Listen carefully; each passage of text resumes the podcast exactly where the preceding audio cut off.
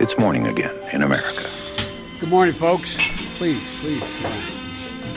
Come on, let's go. Let's go get some coffee. Thank you very much. Det er onsdag 17. juni, det er 139 dager igjen til presidentvalget, og målkaffen er servert. Aller først, Trump-administrasjonen går til sak mot John Bolton, Trumps tidligere nasjonale sikkerhetsrådgiver. Bakgrunnen er at de mener han ikke har lov til å publisere en bok basert på fortrolige samtaler og informasjon fra stillingen i administrasjonen. Justisdepartementet forsøker å blokkere utgivelsen, og boka, som nå topper Amazon, er planlagt publisert i neste uke. Dagens første sak. President Trump signerte i går en presidentordre som skal sikre reform i politiet.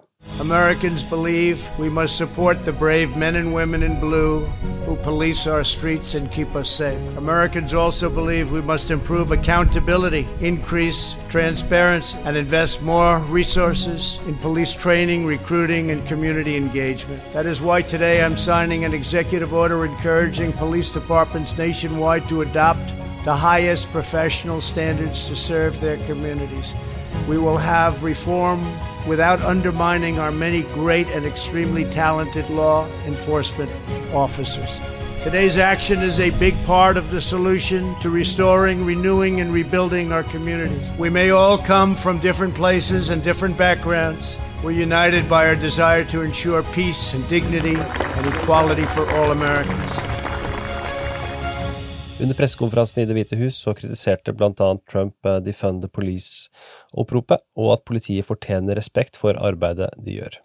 Vi har mer om innholdet i denne på amerikanskpolitikk.no, linker også videre til flere som skriver om den, men kritikere omtaler da denne presidentordren som et forsøk på å konfrontere den nasjonale uroen som herjer, uten egentlig å medføre noen nevneverdige endringer. Dagens andre sak, Pence med oppfordring til guvernørene. Visepresident Mike Pence oppfordret i går guvernørene til å forklare overfor sine velgere at de nye utbruddene av koronasmittede skyldes økende grad av smittetesting, dette tross for at denne forklaringen kan være noe misvisende. Dette har da kommet fram i en lekket telefonsamtale. Oppfordringen fra Pence er i tråd med Trump-administrasjonens utsagn om at det høye antallet smittede skyldes at USA er overlegne på smittetesting. Til tross for disse uttalelsene så har både Texas og Florida satt nye rekorder i antall smittede per døgn denne uken. Det viser seg altså at flere stater gjennomsnittlig har flere som tester positivt for koronaviruset per test nå enn tidligere. Dagens tredje og siste sak, dårlige utsikter for amerikansk økonomi? Spørsmålstegn. Omsetningen av varer og tjenester økte med 17,7% i mai, etter en kraftig nedgang i mars og april. Dette har da fått president Trump til å juble, men omsetningen av varer og tjenester er likevel totalt sett ned 8% sammenlignet med tilstanden før koronapandemien brøt ut.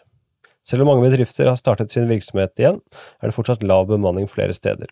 Sjef for den føderale sentralbanken, Jerome Powell, uttalte at den amerikanske økonomien opplever en betydelig langvarig svekkelse grunnet konkurser og høy arbeidsledighet.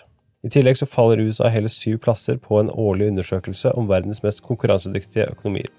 I 2019 var USA på en tredjeplass, men faller i 2020 ned til tiendeplassen. En hovedgrunn til fallet er Trumps toll- og handelskrig med Kina. Dagens utgave av Målkaffen er servert av Ingrid Sofie Stangby Wendsel og undertegnede Are Togflaten. Du leser mer på amerikanskpolitikk.no.